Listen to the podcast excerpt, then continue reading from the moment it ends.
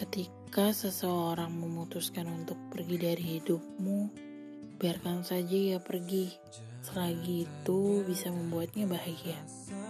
Tak perlu kamu genggam erat, karena semakin kita genggam ya hanya menyakitkan kamu ataupun dia. Lepasin aja yang ingin pergi dari hidupmu. Jika ia kembali dan kamu masih juga menanti, mungkin ia jodohmu.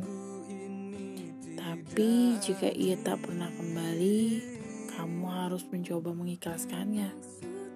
Cara terbaik ketika cinta itu tak bisa diungkapkan, tak bisa dimiliki, tak bisa untuk diraih adalah mengikhlaskannya.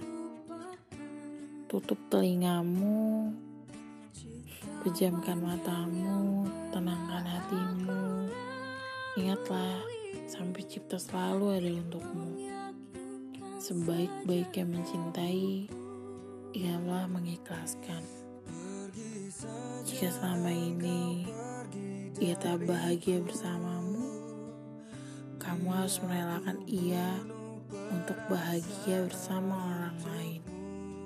Dan semoga kamu juga akan bahagia dengan seseorang jauh lebih mencintaimu daripada dirinya.